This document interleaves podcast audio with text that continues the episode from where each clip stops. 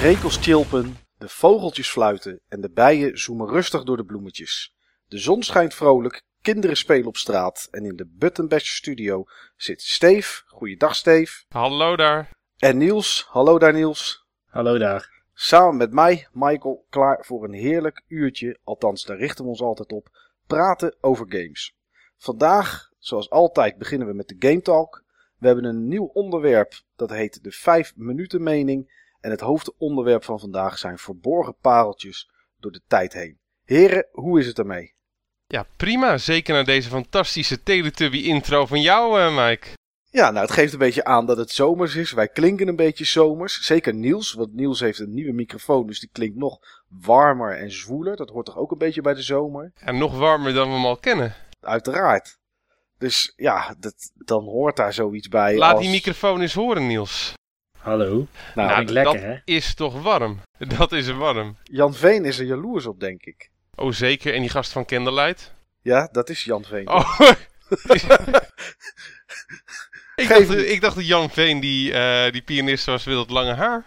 Ook, maar die hebben toevallig dezelfde naam. Je zal het waarschijnlijk anders, anders eh, schrijven. Die van de piano zal waarschijnlijk met een Griekse ei en allerlei moeilijke fratsen erin Dat eh, klopt, hebben. ja. En Jan Veen van Candlelight is gewoon Veen, als in turf. Ja, en, dan- en waarschijnlijk nog met een F ook, om het helemaal eh, Oh, af te maken. Lekker maar dat weet, ik niet, dat weet ik niet zeker. Ehm, ja, jongens, laten we beginnen met eh, de Game Talk. Om eh, te zien wat ieder deze week gespeeld heeft. En dat Maar- gaat natuurlijk niet. Ja? Maar niet zonder het jingletje, toch? Niet zonder een stukje muziek.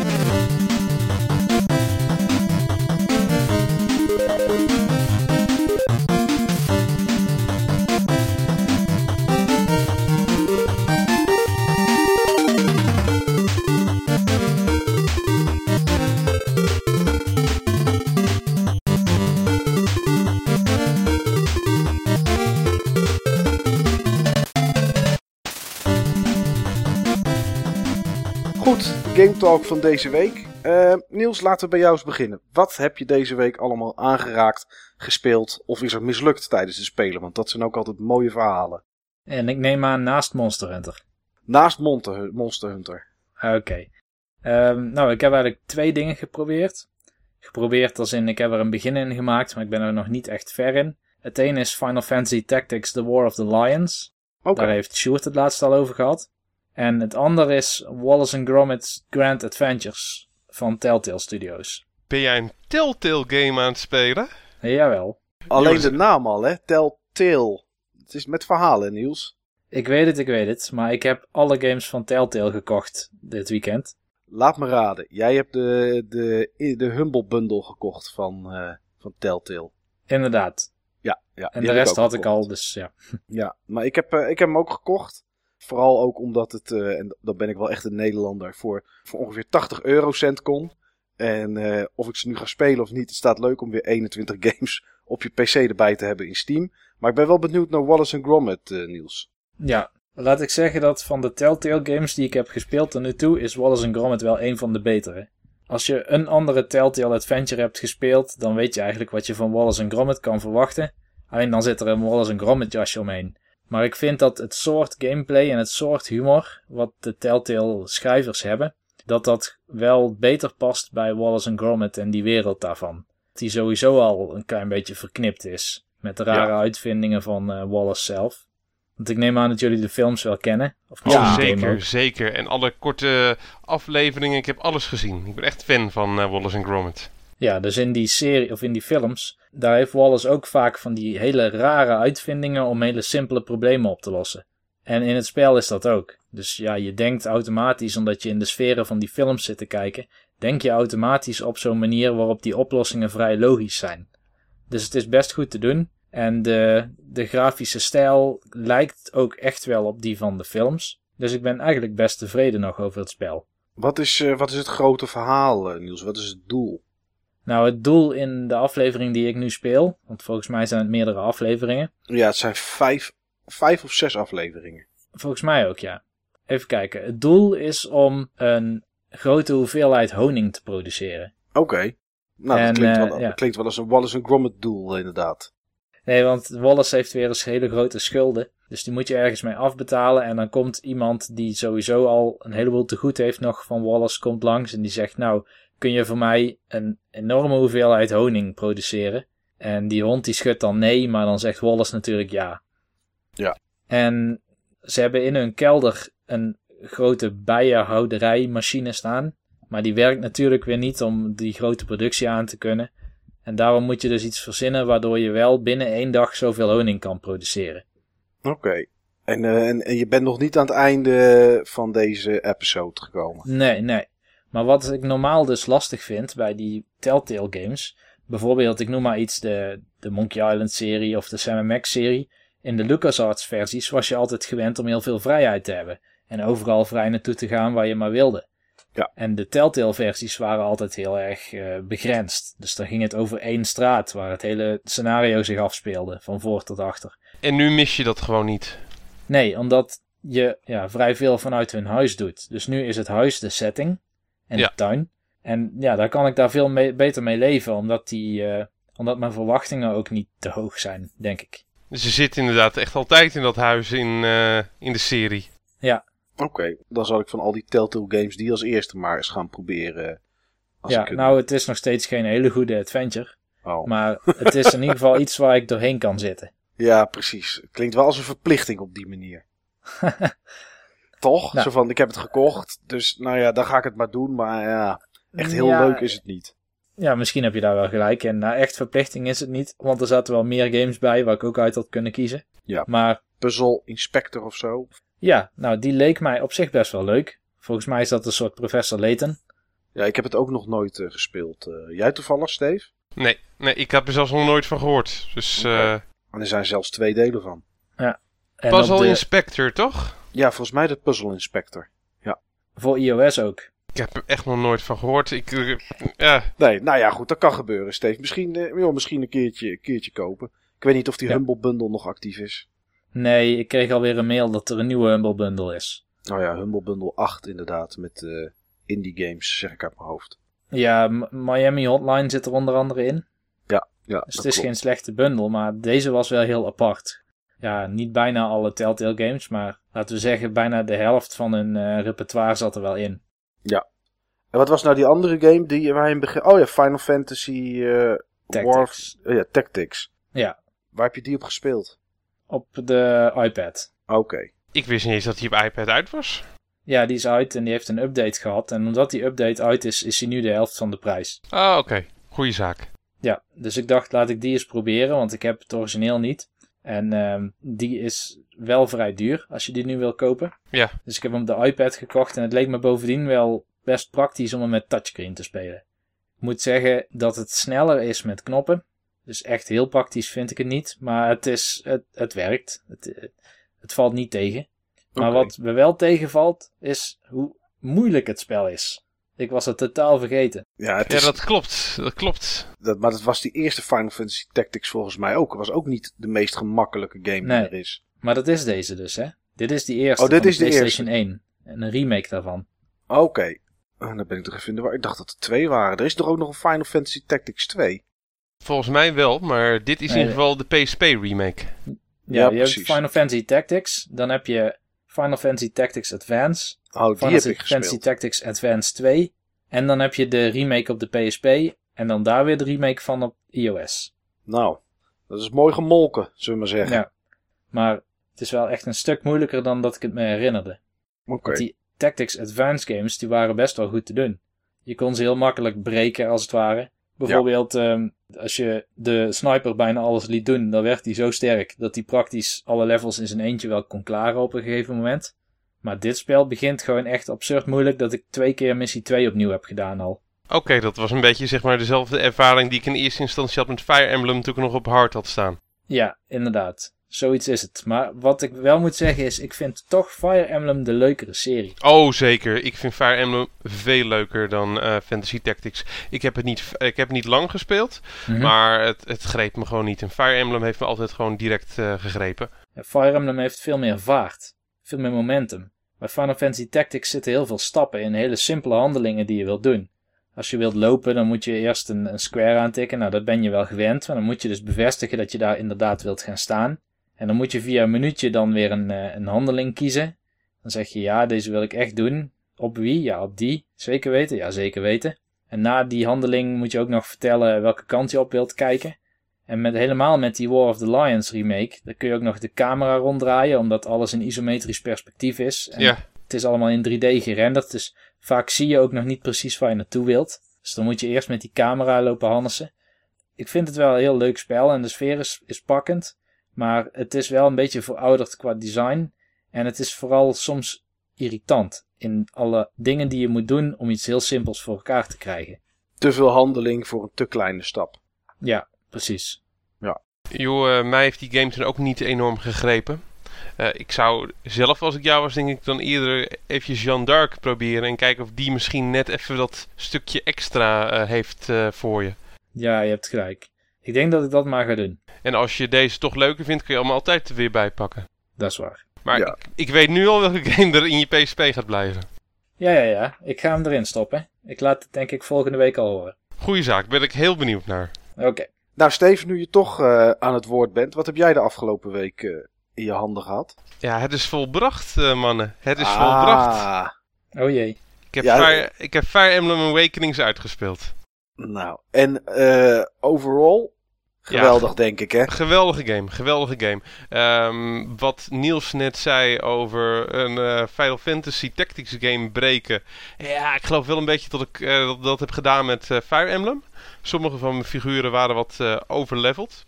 En op het eind was er weinig uitdaging meer aan. Maar de hele sfeer van, van de game, de band die je opbouwt met de karakters, een aantal wendingen in het plot. Ja, het is gewoon helemaal af. Ik vind het echt een hele, hele goede Fire Emblem. Nu ik hem helemaal gespeeld heb, kan ik ook zeggen wat de kracht is van eh, de nieuwe mechanics. Van het verbeterde support en pairing eh, systeem. Dat is echt iets wat enorm veel toevoegt aan mogelijkheden. En eh, wat zeker in de in het laatste derde deel van het spel ook gewoon heel veel invloed heeft op eh, hoe sterk je karakters eh, zijn. Eh, dit is misschien een kleine spoiler voor sommige mensen, maar later in het spel komen er ook allerlei kinderen voorbij van mensen die je hebt laten trouwen. Die je zeg maar in het supportsysteem heel veel met elkaar op hebt laten eh, trekken. En die een bepaalde klik dan met elkaar hebben in het spel. En die vervolgens dan gaan trouwen. En eh, via een eh, slimme plot twist komen er daardoor ook kinderen in het spel beschikbaar van, ja, van die mensen. Die vervolgens eigenlijk sterker zijn dan de characters die op die manier elkaar verbonden.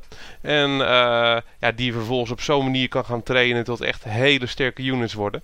En als je daar ook nog eens een keer twee van eh, een stelletje maakt, nou, dan, eh, dan kun je echt een speelveld redelijk makkelijk ownen. Krijg je dan een soort ubermensch? Dat levert geen kids op.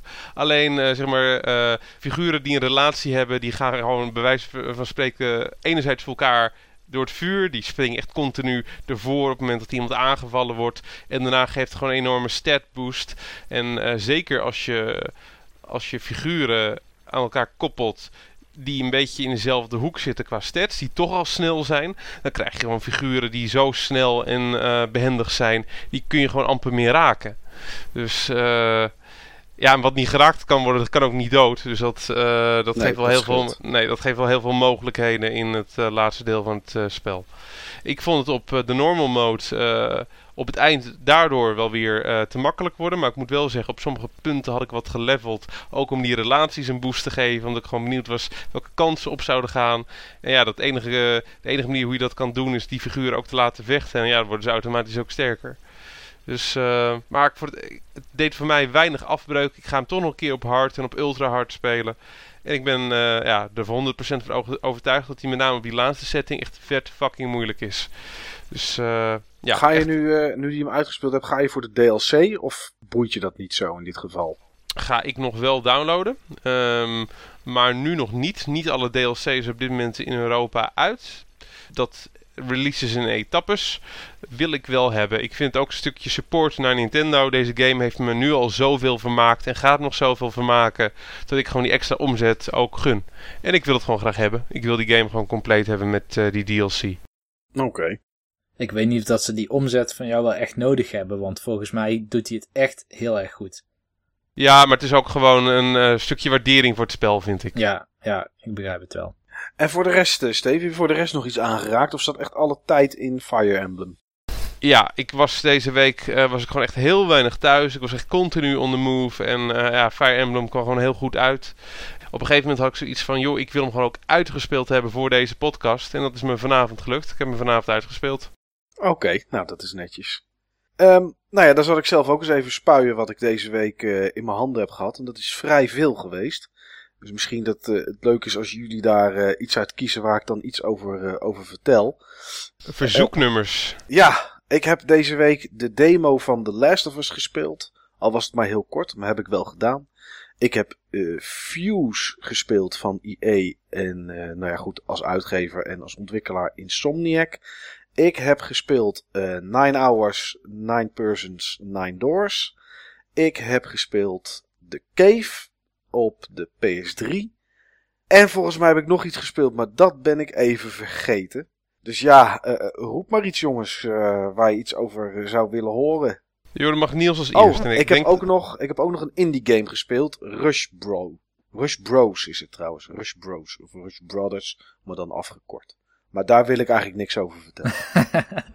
Dan mag Niels als eerste. En ik denk dat ik eigenlijk wel weet welke die gaat nemen. Nou, ik hoop dat we een rebound krijgen. Ik heb eigenlijk twee titels waar ik extreem benieuwd over ben. Nou, kom maar op. Nou, ik ga voor Fuse. Fuse? Dat, dat was niet wat ik verwacht had dat je ging nemen, Nee, Niels. jij dacht dat ik 999 ging zeggen. Ja, nou ja, Ja, goed. Uh, komt Fuse, nog.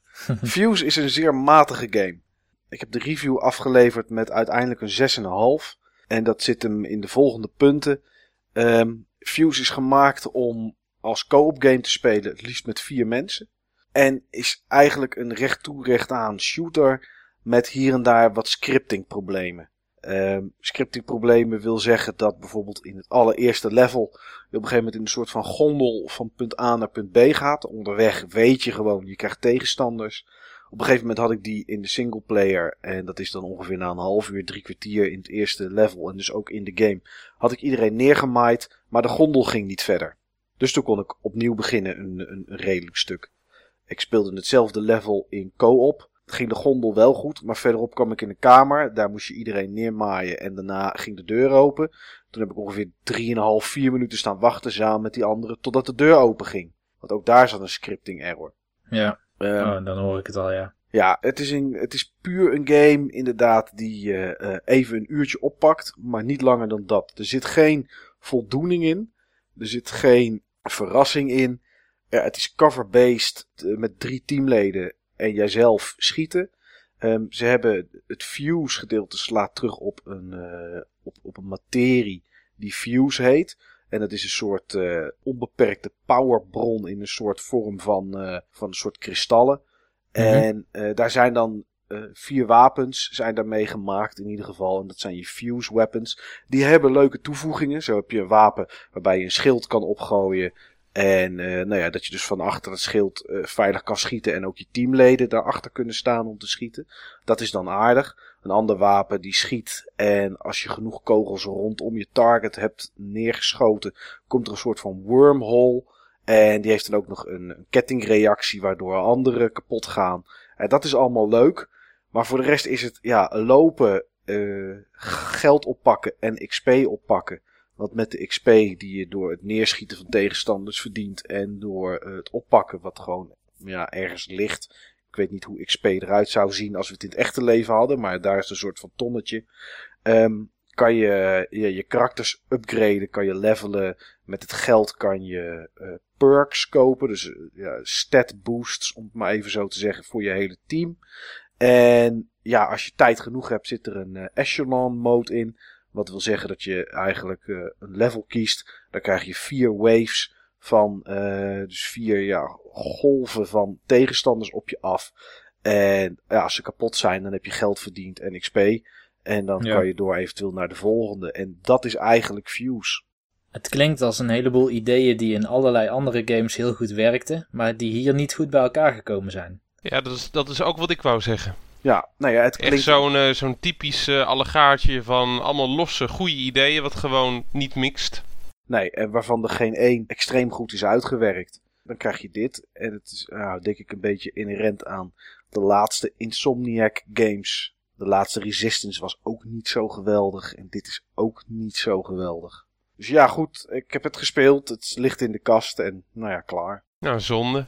Ja. Gemiste kans voor uh, ja, toch wel een uh, softwaremaker met een reputatie. Die ook redelijk snel kan verliezen op deze manier. Ja, ze hebben een behoorlijke naam. En als de volgende game ja, net zo matig wordt als deze, dan zakt het heel langzaam weg.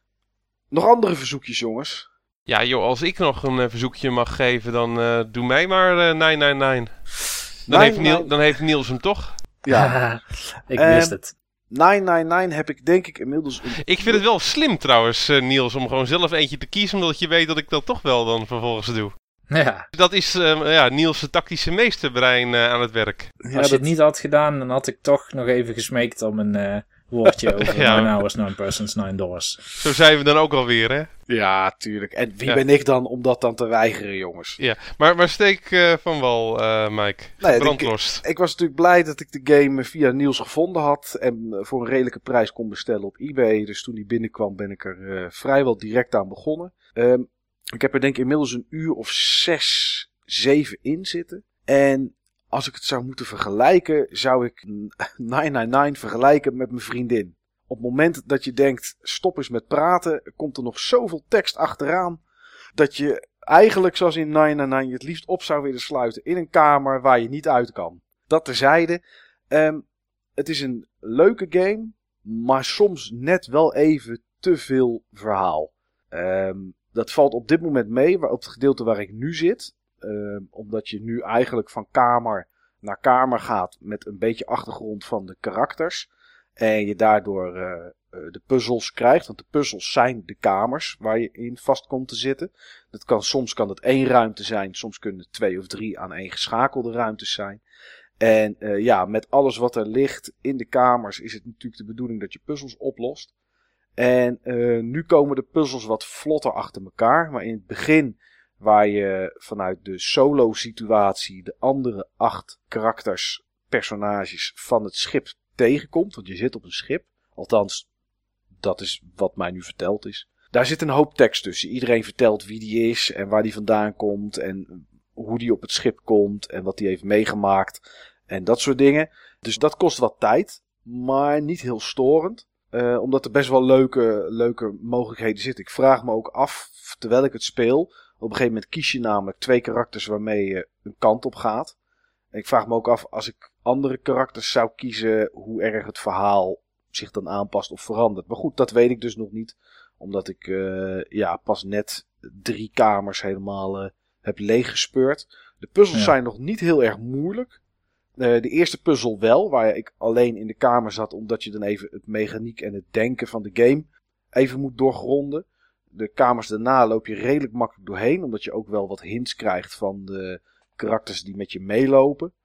En uh, ja, goed, of dat moeilijker wordt, weet ik niet. Maar ik vind het tot nu toe wel interessant, omdat ik toch benieuwd ben naar hoe het in elkaar steekt en ook naar wat de volgende puzzel weer is. Dus ja, het, uh, een, een, leuke game, vermaak me er goed mee. En ja, hoe het, uit, hoe het uiteindelijk eindigt. Nou ja, goed, dat. Dat de game begint pas zodra je denkt dat die afgelopen is. Dus. Ja, zo vermoeden, nog wel. zo vermoeden had ik al wel. Ik had niet het gevoel dat ik, dat ik over drie puzzels en, uh, en nog 26 uur aan tekst. dat ik er dan ben. Nee, goed, dat is. Uh, dat ik denk dat je enthousiasme nog wel, nog wel toe zal nemen hoor. Nou, dat denk ik ook wel. Ik denk dat de puzzels straks misschien wat moeilijker gaan worden. Nu is het allemaal vrij voor de hand liggend nog. Alleen, wat, wat ik, het enige wat ik jammer vind is, er is zoveel, er zijn zoveel deuren en plekken waar ik denk, hier wil ik naartoe.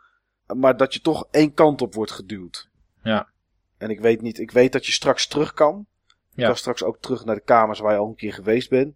Ik weet niet of dat ook in het puzzelelement zit of dat het daar, uh, ja, of dat interessant is om te doen. Maar goed, dat merk ik vanzelf wel. Nou ja, nou, ik, ik, ik, kan zonder te spoilen wel ongeveer zeggen hoe dat werkt. Nou, dat mag. Ik ben wel benieuwd eigenlijk. Je begint gewoon het spel helemaal overnieuw, maar als je R gedrukt houdt, dan spoel je alle tekst door. Oké. Okay. En dan kun je nieuwe keuzes maken voor nieuwe kamers. Als je dezelfde kamer ingaat, moet je wel weer opnieuw die puzzels oplossen. Oké, oké. Okay. Dat is wel. Uh, dus dan zou je ook met andere karakters zou je eh, het verhaal kunnen, kunnen doen. En dan, uh, want in het begin krijg je de keuze of je de deur links of de deur rechts neemt. Ja. En daar heb ik de linkerdeur gekozen. En dus, ik weet niet als ik de rechterdeur kies of dat ik hem kan kiezen. Of ik dan al hele andere puzzels voor mijn neus krijg. Ja, alles is dan wel helemaal anders. Ja, nou ja, goed, dat, uh, dat is wel interessant om, uh, om te doen. Dan wil ik toch nog, voordat we doorgaan met het volgende, even nog even één snel dingetje zeggen over de cave. Uh, want daar hebben we het één keer eerder over gehad, dat ik hem op de Wii U had getest en dat hij daar echt heel slecht liep. Toen hadden wij het er even over nieuws. Toen zei hij, ja, de engine schijnt niet zo geweldig te zijn. Dat Mhm. op alle platformen wel wat performance problemen heeft. Dat klopt, op de PlayStation 3 heeft hij dat ook. Maar alleen als ik aan het zwemmen ben in het water. Maar het rondlopen en dat soort dingen niet. Dus dat wilde ik toch nog wel even kwijt. Want ik heb me toch redelijk vermaakt, moet ik zeggen.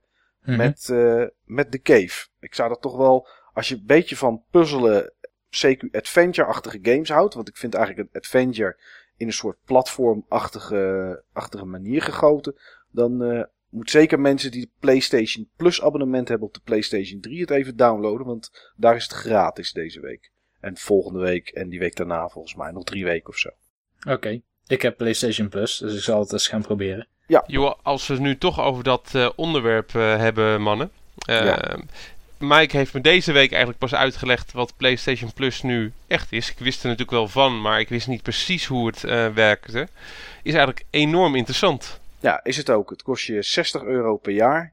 Elke maand komen er nieuwe games uh, bij die je gratis kan downloaden. En een aantal games die gratis te downloaden zijn, gaan er weer af. Maar als jij ze van tevoren al gedownload hebt, dan kan je ze gewoon blijven spelen. Op het moment dat je PlayStation Plus abonnement vervalt, kan je ze niet meer spelen. Maar het kost je 60 euro.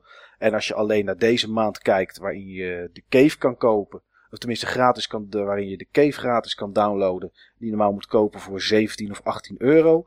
Uh, Ico en Shadow of the Colossus in HD zijn deze maand te downloaden. Uh, Kingdoms of Amalur is gratis te downloaden. Uh, volgende maand komt volgens mij Infamous 2 er weer bij. Die hebben ze al wel een keer gehad, maar dan kan je hem nog een keer downloaden. En nou, er zit al, zijn al zoveel games tussen gekomen die ik gedownload heb en nog klaar heb staan om te spelen. Dat het echt, nee, je zou een dief van je eigen portemonnee zijn om het niet te doen. Jos spreekt me echt enorm aan. Op het moment dat ik de PlayStation 4 heb, dan, en dit komt er ook op, dan ga ik dit absoluut nemen. En uh, dit zou voor mij zelfs ook een reden kunnen zijn om uh, te kiezen voor de PlayStation 4 in plaats van de Xbox One. En ik had al eigenlijk al genoeg redenen om te kiezen voor een PlayStation 4. Maar ja, ik, ik wist gewoon niet van dat je al, al, die dingen ook na een maand nog steeds kon blijven spelen. Ik dacht op de een of andere manier van dat je het alleen die maand kon blijven spelen. Maar je krijgt gewoon zo gigantisch veel content voor die 60 euro. Dat is echt bizar. Ja. Vind ik echt, dit lijkt me echt een uh, enorm selling point voor het, uh, ja, voor het PlayStation uh, netwerk. Ja, als ze dit bij de PlayStation 4 presentatie gelijk aankondigen en vertellen dat het er is dan uh, heeft het nog meer rugbaarheid dan dat het voor de PlayStation 3 uh, al heeft. En dan denk ik dat ze daar een, uh, een echt een unique selling point in hebben. Ja. Het is echt een heel goed systeem. Niels? Ja? Ik heb een extra jingletje nodig deze keer.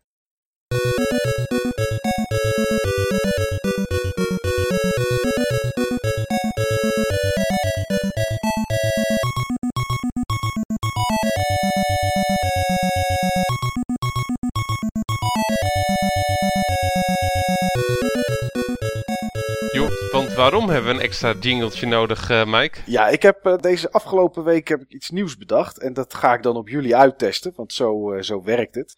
Um, het heet de 5 minuten mening. En waar het om gaat is het volgende.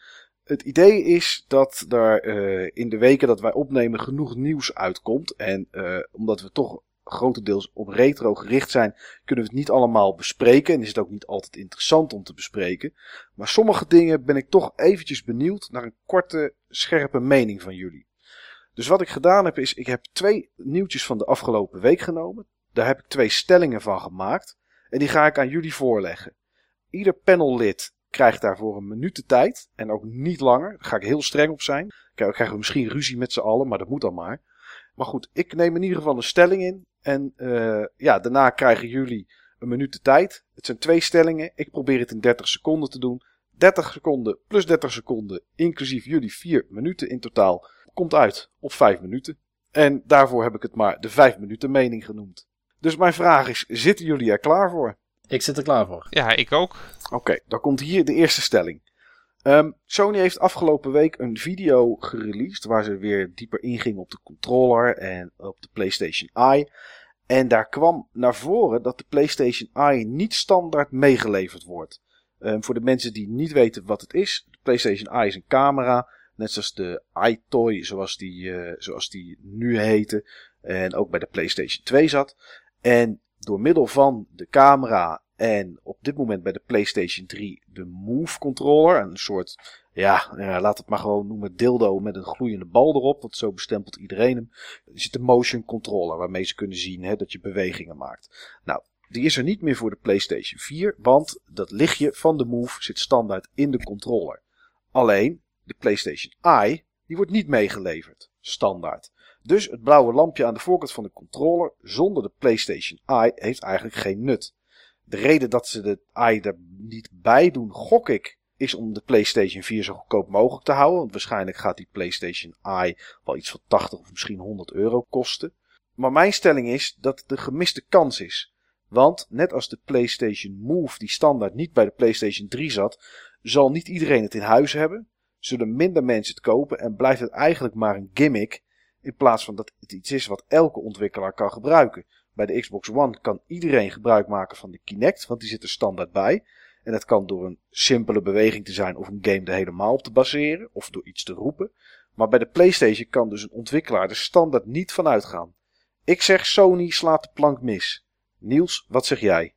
Ik zeg, je zou daarin gelijk kunnen hebben. Maar ik, het doet me wel denken aan de, toen Nintendo bijvoorbeeld het Wii Balance Board releaste. Voor heel wat maanden lang verkocht dat ding beter dan de PlayStation 3.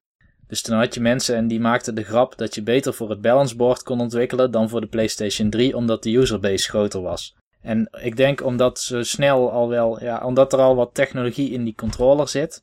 En omdat er waarschijnlijk al wel wat games heel vroeg zullen zijn die die AI van gebruik gaan maken, denk ik dat het probleem op zich wel mee gaat vallen. En dat is binnen een minuut. Dat klopt. Steve, jouw minuut. Ik denk dat ze het zo kunnen herstellen als, uh, als daar de kans voor is. Als die hardware inderdaad duur is en later goedkoper wordt. Joh, je brengt een nieuwe bundel uh, uit waar het ding standaard in zit en het is opgelost. Of misschien brengen ze wel twee bundels uit. Eentje met uh, de AI en eentje zonder de AI. Ik ben het wel met je eens dat je op die manier de userbase fragmenteert. En ik ken weinig ja, extensies die populair geworden zijn Terwijl ze niet in eerste instantie bij de hardware zaten. Maar het kan zeker. De Nunchuk controller. De Nunchuk controller bijvoorbeeld. Oké. Okay. Ook mooi en netjes binnen een minuut.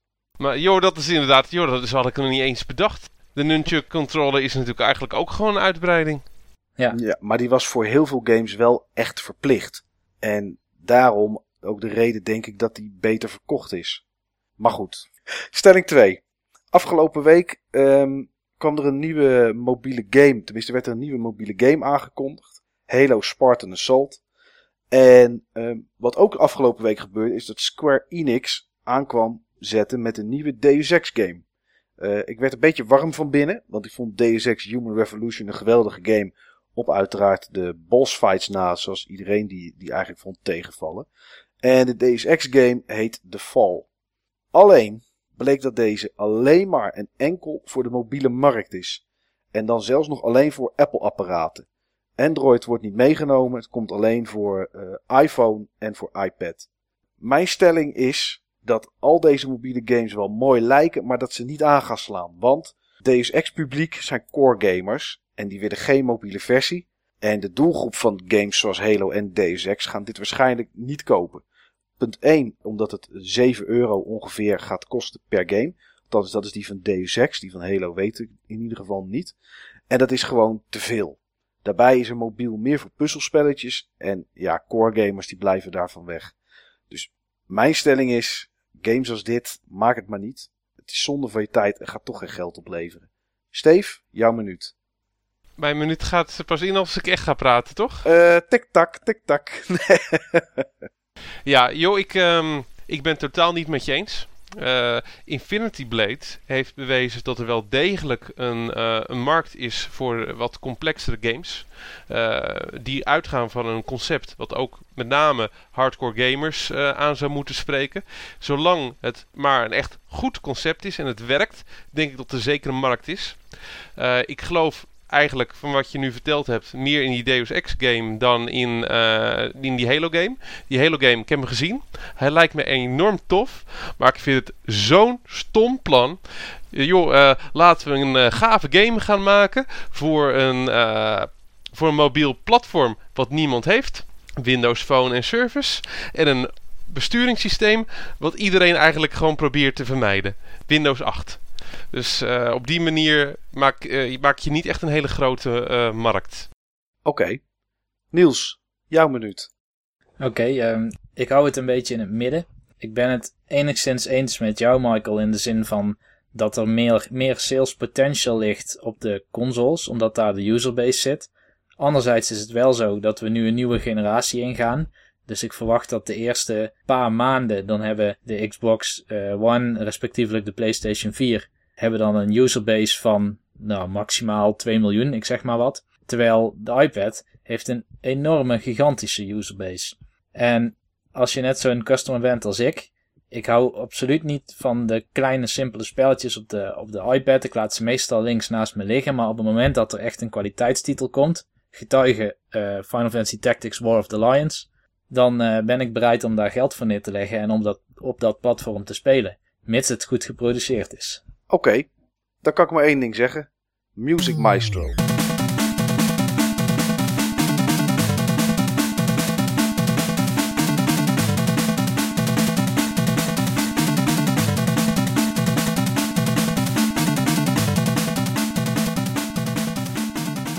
Het hoofdonderwerp van vandaag zijn verborgen pareltjes. Iedereen uh, heeft er denk ik wel één als je een gamer bent. Zo heb ik bijvoorbeeld mijn vriendin. Dat is ook een verborgen pareltje. En dat wil ik ook voor de rest van de wereld graag zo houden. Want anders ben ik het misschien wel kwijt. Maar op gamegebied zijn er soms ook games die vele mensen over het hoofd zien. Maar die toch echt de moeite waard zijn. En vandaag uh, nou ja, kiezen we allemaal één zo'n game uit. Uit onze collectie of uit onze geheugen. En uh, kijken welke, die, uh, welke game wij grijs gespeeld hebben. Maar misschien door heel veel gamers gemist zijn. En ik wou bij jou beginnen, Steve. Wat is vanuit jouw collectie of vanuit jouw verleden, of misschien wel game die, die een jaar geleden uitgekomen is. Dat zou natuurlijk ook kunnen. Wat is echt een pareltje dat je denkt, ik snap niet dat mensen deze niet gespeeld hebben? Wat mij betreft is dit een onderwerp wat nog vaak terug gaat komen.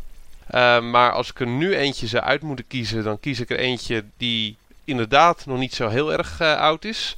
Een game uit 2009 voor de PlayStation 3. Dan ga ik voor 3D Game Heroes. Ja, die ken ik wel, maar ik heb het inderdaad niet gespeeld. Nee, om uh, 3D Game Heroes uh, heel kort samen uh, te vatten. Het is Zelda. Gewoon de klassieke, um, de klassieke 8-bit Legend of Zelda. Maar dan in een ja, 3D wereld met pixels. het is een game die gemaakt is om oud te lijken. Je ziet gewoon echt overal de, uh, de pixels. Het zijn uh, eigenlijk 2D pixelfiguren die in een 3D wereld tot leven zijn uh, gekomen. Dat zie je ook echt gebeuren aan het begin van, van de game, aan het introfilmpje. de koning van die wereld die vond dat de wereld een beetje outdated begon te raken. Alles moest nieuw en modern en 3D. Dus zijn ze allemaal 3D geworden. En dat geeft gewoon echt een hele leuke artstijl. De engine is redelijk uniek, althans niet 100% uniek. Maar het is een engine die eigenlijk zelden uh, gebruikt ziet, uh, ja, ziet worden. Het is een voxel engine, uh, volumetrische pixels.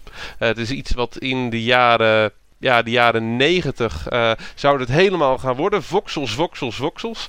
Alleen toen kwamen uh, ja, de 3D-kaarten in, uh, in opkomst. En er werkten games op basis van polygonen gewoon tien keer beter. En toen hoorde je nooit meer wat van die voxels. Eens in zoveel tijd komt er eens een keer een voxel game uit. En dit is dus één van die games. En dit is gewoon een game waarbij de stijl ook ja, zo goed aansluit bij het concept in de gameplay. Vind ik gewoon heel erg leuk.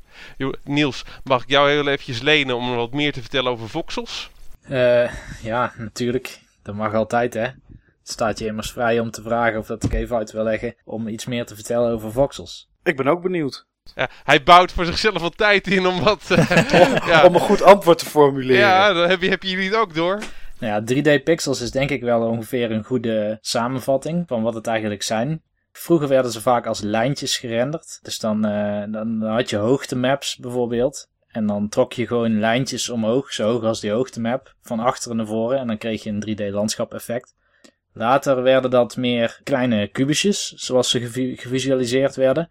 Het grote nadeel van voxels ten opzichte van polygonen is altijd geheugengebruik geweest een volledige surface die volledig 3D is en eigenlijk dus ook op pixelniveau beschrijft hoe die vorm eruit ziet, terwijl een 3D-model op vertex niveau beschrijft hoe een model eruit ziet. En een vertex is zeg maar zo'n, eh, als je een draadmodel ziet van een 3D-model, dan is elk knooppunt is een vertex. Oké, dat zijn zeg maar die soort, die lijntjes met die puntjes waar dan later textures overheen komen. Precies, ja. Dus elk knooppunt van die lijntjes is een vertex.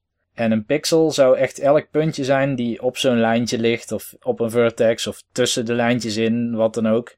Dus er zitten misschien wel eh, miljarden pixels tussen vier of vijf van die, eh, van, van die vertices in. Vandaar dat het een grote. eh, dat je er veel geheugen voor nodig hebt.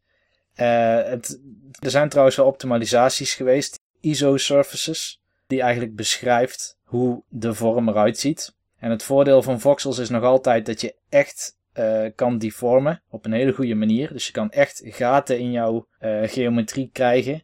Je kan echt je dwars door een wereld heen schieten, bijvoorbeeld ergens anders doorheen komen. Minecraft geeft een beetje het voxel idee. Ik weet niet of dat het gebaseerd is op voxels. Het zou zomaar eens kunnen. Maar dan, dan heb je misschien een beetje een beeld van wat voxels in principe zouden kunnen doen. Ja, maar ik durf, ik durf wel te zeggen dat Minecraft niet met voxels werkt. Dat kan bijna niet, joh. Daarvoor zijn die werelden veel te groot. Nou, het is nog steeds mogelijk dat de representatie van de wereld een voxel eh, eh, volume is. Oké, Maar dat die wordt gerenderd met, eh, met kubussen.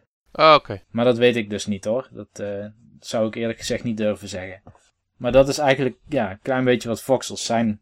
Ja, het geeft, het geeft een beetje een Lego-look, om het heel kort eh, samen te vatten. Ja, maar dat, dat ligt meer aan hoe je ze rendert. Want je kan ze ook heel hoge resolutie renderen bijvoorbeeld. En dan zie je er niks van, Oké. van die pixels. Maar om, om terug te komen op, eh, op de game, eh, wat, wat jij eh, net zei, van het tot, dat je zeg maar gaten kan maken in dingen en elementen in ja, miljoenen kleine stukjes uit elkaar kan, kan laten vallen, dat gebeurt ook echt. Dus op het moment dat je een vijand ja, afmaakt, dan valt hij gewoon in alle losse pixels uiteen. Geeft gewoon echt een heel spectaculair effect. Om op de game zelf terug te komen en de gameplay. Ehm, het is een game trouwens van eh, dezelfde makers als, eh, als Dark Souls en Demon Souls. Goh, wat toevallig. Ja, moet je me heel eventjes helpen? Kan heel eventjes niet op de naam komen. From Software. From toch? Software, ja, ja. Ja, ja, klopt.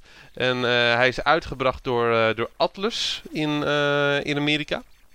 Ehm, ja, en joh, hij is in ieder geval net als de Demon Souls en Dark Souls games. Hij is gewoon echt enorm eh, moeilijk. Hij is echt eh, fucking hard. Er zitten ook wat referenties in eh, naar, eh, naar Demon Souls. Dat is wel grappig. Wat ook enorm moeilijk is, net als in Zelda. Je wordt gewoon echt een wereld losgelaten en zoek het maar uit. Echt nul hints. Af en toe kom je een, kom je een, een NPC tegen, kun je mee praten, maar er komt echt geen zinnig woord uit. Net als in Zelda. Het maakt ook een hele slecht vertaalde indruk. Alleen waar het bij Mhm. Zelda onbewust is gedaan, is het hier bewust gedaan om die sfeer eh, te krijgen. En het werkt. Het voelt gewoon echt alsof je een 8-bit eh, game aan het eh, spelen bent. En ehm, ja, ik vond de sfeer in de game echt wel uniek. Ik heb hem niet uitgespeeld. Ik ben tot de derde dungeon gegaan. Uit mijn hoofd zeg ik dat er zes dungeons zijn. Ik speel gewoon wat minder op mijn PlayStation 3 dan op mijn Xbox. En dat is de belangrijkste reden waarom die op een gegeven moment een beetje in de vergetelheid eh, is eh, geraakt. Omdat het ook een hidden jewel is in mijn collectie dus eigenlijk. Maar ik wil hem, ik wil hem nog steeds een keer helemaal eh, van begin af aan eh, uitspelen. Echt een game die dat verdient. Als je drie punten zou moeten noemen waarom mensen deze game zouden moeten halen. Zelda, artstyle, difficulty. Oké. Niels, jouw Ja. verborgen pareltje. Mijn verborgen pareltje is eh, Hotel Dusk voor de Nintendo DS. Eh, het is niet bepaald de beste adventure die ik ooit heb gespeeld. Het is een visual novel style adventure. Je houdt het trouwens je DS ook vast als een, als een notitieboekje. Oké. En, Vond eh, ik echt cool trouwens. Ik heb hem ook gespeeld en ik vond het echt heel gaaf. Het werkte heel goed. Het is ook heel leuk dat die rendering style dat die geschetst is. Het heet geloof ik rotoscoping, de manier van animatie van de karakters. Het ziet er zeker heel mooi uit en eh, het is een game van Seeing. En Seeing is een developer die inmiddels failliet is en niet meer bestaat. Eh, maar die hebben meerdere van die adventures uitgebracht. Ook onder andere Another Code. Dat is ook een bekende titel van hen. Klopt, ja. Ze zijn trouwens 1 maart 2010 zijn ze failliet gegaan. Ja, inderdaad. Vond ik zelf heel jammer. Another Code heb ik wel gespeeld. Die heb ik Mhm. ook uitgespeeld. Deze game ben ik ook ooit aan begonnen. Maar het enige wat ik me nog van kan herinneren is dat ik regelmatig in bed mee in slaap ben gevallen. En voor de rest eigenlijk niet. Nee, ja, het is ook niet echt een hele remarkable game, zullen we maar zeggen. Toch is het mijn, eh, mijn jam, Ja, omdat ik het heel plezierig vond om het te spelen.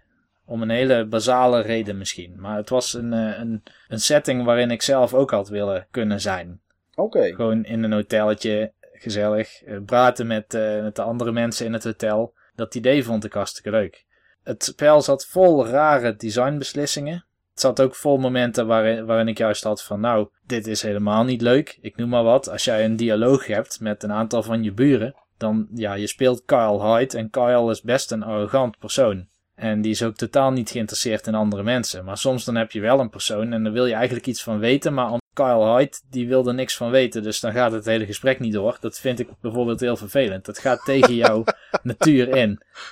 Wel grappig. Jij, als speler wil je het wel weten. Maar ja, omdat je karakter denkt van fuck dat. weet, Ja. Kom je het gewoon niet te weten.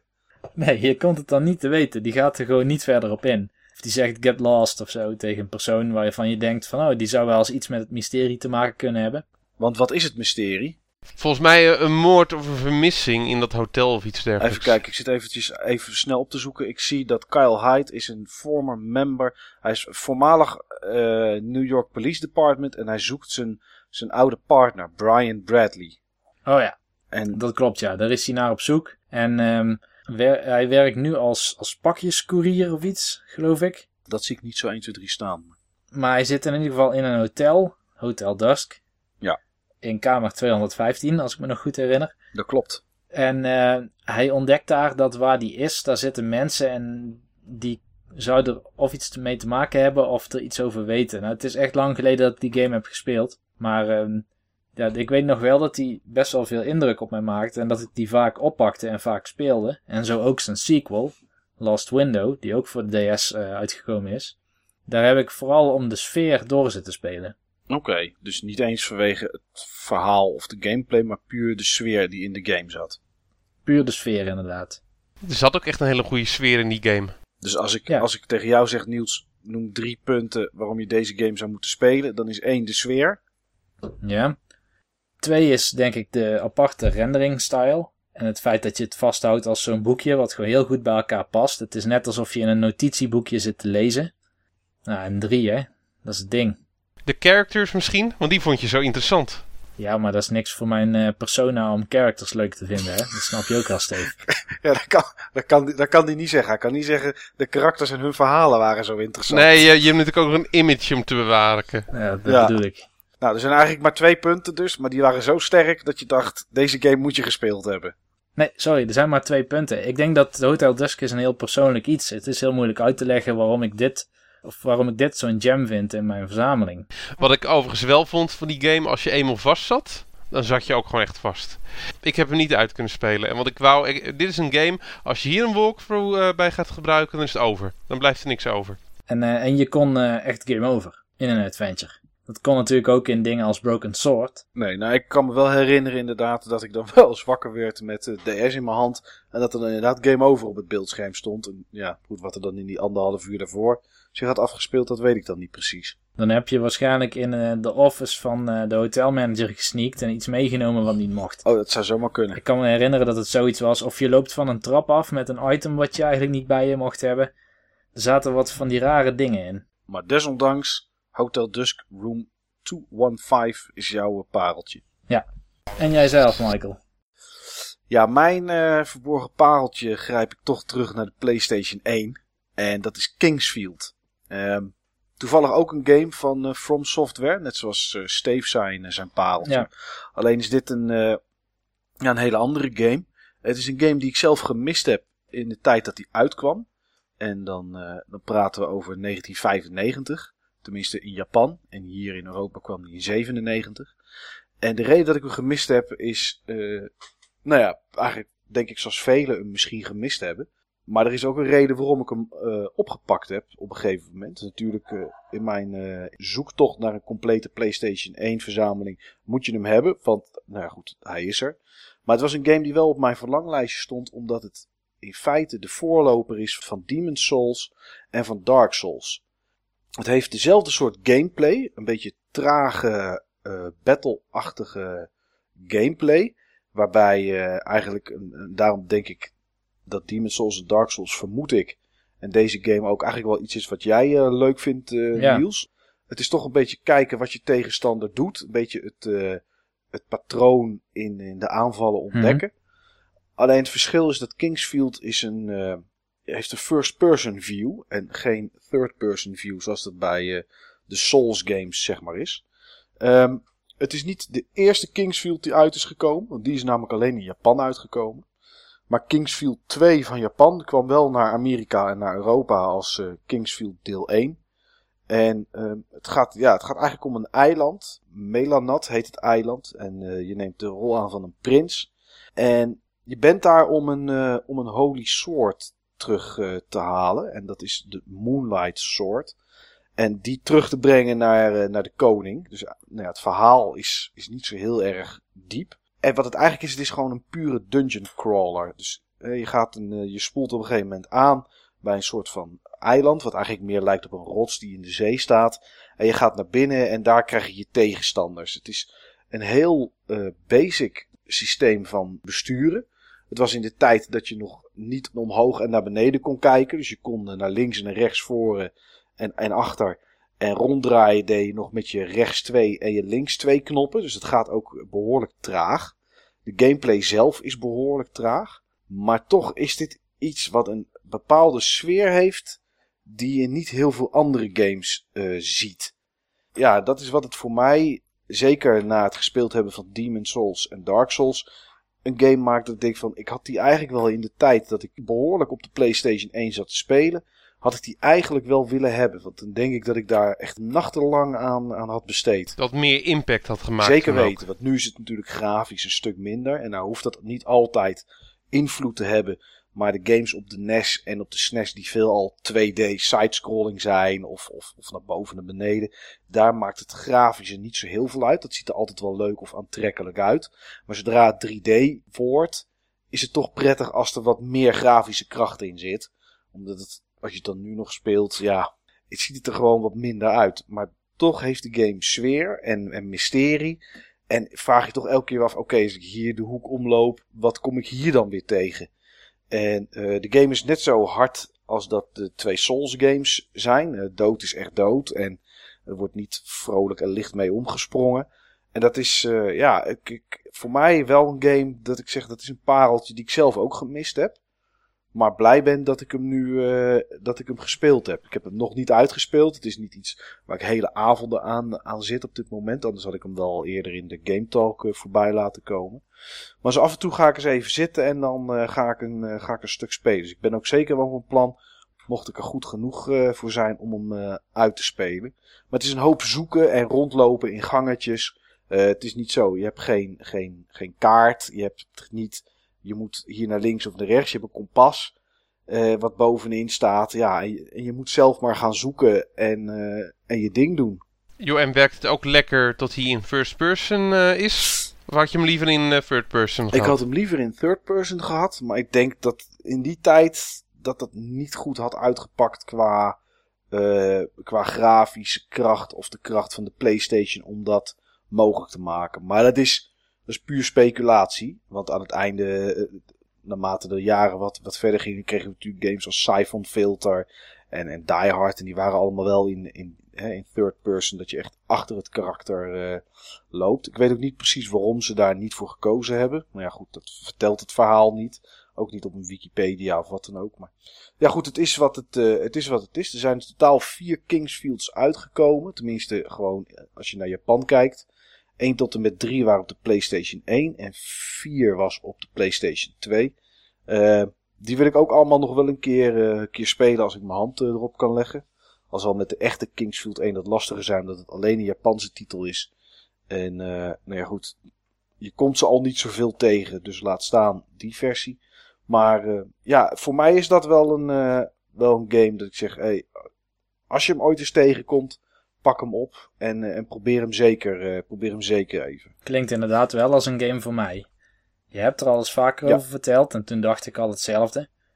Maar ja. dit zou een game zijn die ik zo kan spelen en voor mij maakt het niet zoveel uit als het grafisch achterhaald is. Bij mij, graphics zijn de eerste 20 minuten belangrijk om mij de game in te trekken en daarna zie ik ze al niet meer. Dus als die game mechanics goed overeind staan, dan, dan, uh, dan maakt het mij niet uit hoe, uh, hoe het eruit ziet. Dan red ik me wel. Het is niet de meest soepele uh, first-person game die je ooit gespeeld hebt. En het, het, is traag. Je moet rekening houden met de traagheid van je wapen of de snelheid en, en de lengte. Hè? Hoe, hoe, wat is het bereik? Is het iets wat korte afstand is of lange afstand? Dat zijn wel dingen waar je, waar je rekening mee moet houden. Eigenlijk net zoals in de huidige Demon Souls en, uh, en Dark Souls. Ja, en Monster Hunter ook, hè? En Monster Hunter ook natuurlijk. Ja, dat is, nou ja, dat is net zoiets. Is iets actiever qua gameplay. Maar uh, ja, voor mij een, uh, een, een echt pareltje wat uh, onder een dikke laag stof ligt uh, over het algemeen. Ik denk inderdaad dat dit meer een game voor jou zal zijn, Niels, dan voor mij. Ik heb net ook even naar zitten kijken en voor mij doet hij net eventjes iets te verouderd aan. Die echt hele vroege mm -hmm. 3D-games. Als ik ze zeg maar niet vroeger gespeeld heb, dat ik er toen iets mee opgebouwd heb, zie ik het mezelf niet zo snel meer doen. Nee, nou dat heb ik ook wel bij de meeste early 3D-games inderdaad op een of andere manier. Het is net als je loopt of de muren leven. Hè, alsof er mos groeit ja. op het moment dat je er langs loopt. Of dat het vol zit met beestjes. Eh, terwijl ze er niet zitten. Dat de pixels ja, echt knipperen. Maar um, ja, toch kon ik dat voor deze game wel opzij zetten. Nou goed heren, dan hebben we alle drie onze pareltjes uh, laten horen. Het zou leuk zijn als uh, onze luisteraars, waar dan ook, een, uh, een bericht achterlaten als ze deze podcast er vinden. Om te kijken of hun misschien verborgen pareltjes hebben. Want ook daar, daar kunnen wij natuurlijk ook weer wat van leren. Zoals wij dat wekelijks ook doen met de Game Talk. En uh, nou ja, wie weet zitten daar nog games tussen die wij zelf ooit gemist hebben. En uh, na het zien van wat beelden of screenshots denken. Deze game moeten we maar eens op de kop gaan tikken. Ja, wie weet kunnen we daar, kunnen we daar eens een keertje wat over loslaten. Ja. En wat ze van de vijf minuten mening vinden natuurlijk. Dat is ook leuk om even te weten. Of het iets is wat, dat ze zeggen van nou, dat hoeft er nooit meer in. Of dat ze zeggen van nou, twee, twee actualiteitjes en daar even een korte stelling over. Is wel even leuk om te horen of dat een uh, toevoeging is of niet. Het geeft in ieder geval voor de mensen die daarvan houden wat meer muziek, want dat is een extra item en daar komt toch weer een muziekje tussendoor, toch Niels?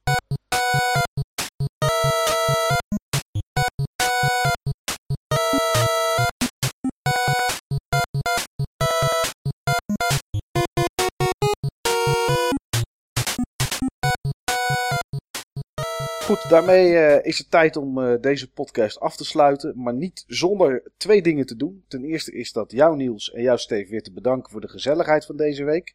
U bent welkom. Ja, dat zit goed. Want uh, laten we eerlijk zijn, ja, het is ook altijd echt gezellig. En dat is op zich al een bedankje op zich. Nou, kijk eens aan. Wat een mooie woorden. En um, als laatste wil ik even aan onze luisteraars aangeven dat de komende weken zeer interessante weken zullen worden. Ondanks dat de E3 totaal niets met retro te maken heeft. Behalve dan misschien de DuckTales remaster die eraan komt. En uh, nog wat andere games die ongetwijfeld in een HD-jasje gestoken zullen worden. Is het natuurlijk vooral het, uh, het nieuwe wat daarmee gemoeid is. Maar daar zullen we de komende weken vast nog wel aandacht aan besteden. Net zoals de Bonami-beurs die eraan komt. Waarbij uh, Niels en Steve zich op zullen werken als een soort kern met de kikker van het Sesamstraat nieuws om hier en daar mensen te interviewen en te vragen wat ze gekocht hebben, dan wel wat de achtergrond is van hun bestaan en van hun hobby. Dus dat worden zeer interessante afleveringen de komende weken. Net zoals eigenlijk alle andere weken, maar toch wilde ik er even de nadruk op leggen. Rest mij alleen nog maar te zeggen, ik ben er klaar voor. Kom maar op met die tune.